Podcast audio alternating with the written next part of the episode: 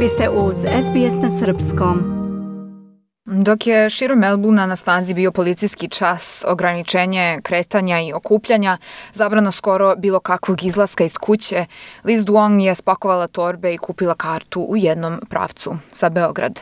Mlada devojka vijetnamskog porekla koja je rođena i odrasla u Australiji sada živi u Srbiji. Ali kupila sam moju karticu, mislim, pre godinu dana. Moj namera je bio da putujem a, u martu, ali očigledno nisam mogla. Onda promenila sam vreme za kasnije i onda probala sam da nađem neki kao dokaz da putujem a, u Srbiju a, u julu. Je, u julu. Jula je a, bila kada sam stigla. Ali da budu iskreno, mislila sam da neću, a, neću uspeti ali posle dve puta, za prvi put nisam uspela, a, ali drugi put sam uspela. A, bila sam baš, baš iznenađena. S maskom na licu krajem jula Liz je sletela u Beograd. Međutim, rastanak sa porodicom u Melbourneu nije bio ni malo jednostavan.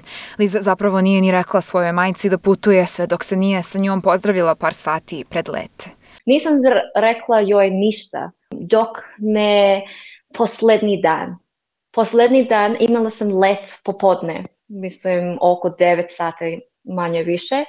I a, stigla sam, došla sam a, kod kuće oko 3 sata. A, posle um, završila sam stvari kod stan, um, u stanu I e, um, ona je mislila da ja sam stigla samo da vidim moje a, rodi, porodicu i da imamo, imamo ručak i večera zajedno, večeru zajedno. Ali um, stigla sam sa koforom, sa velikom ranacom i sa tužom lice, licom. I moja mama je rekla šta je ovo? I rekla sam mama, um, ja, ću, ja ću se preseliti u Srbiju. I ona je rekla, kada? I, i kako? I rekla sam, uh, moj let je večeras. I ona je um, plakala malo i probala sam da objasnim i objasnila sam, mislim, za četiri sata od kad, a, dokad ona je a, razumela a, i je stanio, a, stanila da plakala. A, I mislim, mo, posle, bila je dve, dve nedelje posle toga, e, mi pričamo o, skoro svaki dan, a, da sada mislim da ona um, razuma, razume št, zašto sam radila, šta sam radila i mislim da oni, one, one samo je srećna, da ja sam srećna. E, to je naj, najbitna stvar. Liz kaže da nije htela da opterećuje porodicu njenim planovima, jer je znala da joj je majka već pod velikom stresu zbog čitave COVID krize u Melbourneu. A, moja mama je baš kao je baš kao svaka mama koja je, ovi je veliki, veliki od, a, velika odluka. Onda i zato što takođe bio je karantin u Melbourne.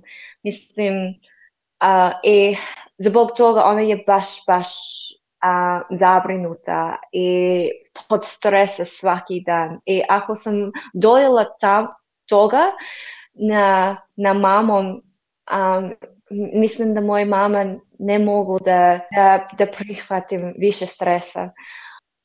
Je samo, odlučila sam da, da, da neću reći ništa um, mami, samo um, nosila sam sve strese sama nego da podelim strese za sve. Kako kaže Liz, sada više nema stresa, ni kod kuće u Melbourneu, ni u novom okruženju u Beogradu. Ona dodaje da su prijatelji u Melbourneu dosta ljubomorni, ali da možda neće biti kada krene srpska zima, a oni se sunčaju na plaži. Moje drugarice i drugi uopšte, oni su baš um, ljubomorni o meni, e, zato što imam slobodu šalim se sa prijateljima ovde, da, zato što zimo u um, Srbiji po meni je baš katastrofa. A, onda, mislim, ja ću provediti vreme u Srbiju tokom leto i onda bežim u Australiju um, kada je zimu u Srbiji i onda imam leto stalno um, svake godina a poruku je imala i za sve generacije Srba u Australiji koji bi voleli da se vrate u otačbinu, ali i za sve one ljude koji maštaju o velikoj promeni u životu. I think it's just fear. Obviously it's fear of the unknown. Mislim da se ljudi suviše plaše nepoznatog. Imala sam dobar posao, dobru platu, prijatelje i odnosi sa porodicom su odlični. U suštini ja sam se u Melbourneu osjećala dobro, bila sam srećna, zdrava. Sve je delovalo vrlo bezbedno i izvesno, međutim u kompaniji u kojoj sam radila videla sam da su ljudi oko mene dosta nesrećni. Ja sam još bila i najmlađa među njima i svi su mi govorili idi dok si mlada, dok možeš da probaš neki drugi život, dok možeš da putuješ putuješ. Nije samo novac pitan u životu. U ostalom videla sam da posao koji radim mogu da radim i preko interneta i da živim bilo gde u svetu.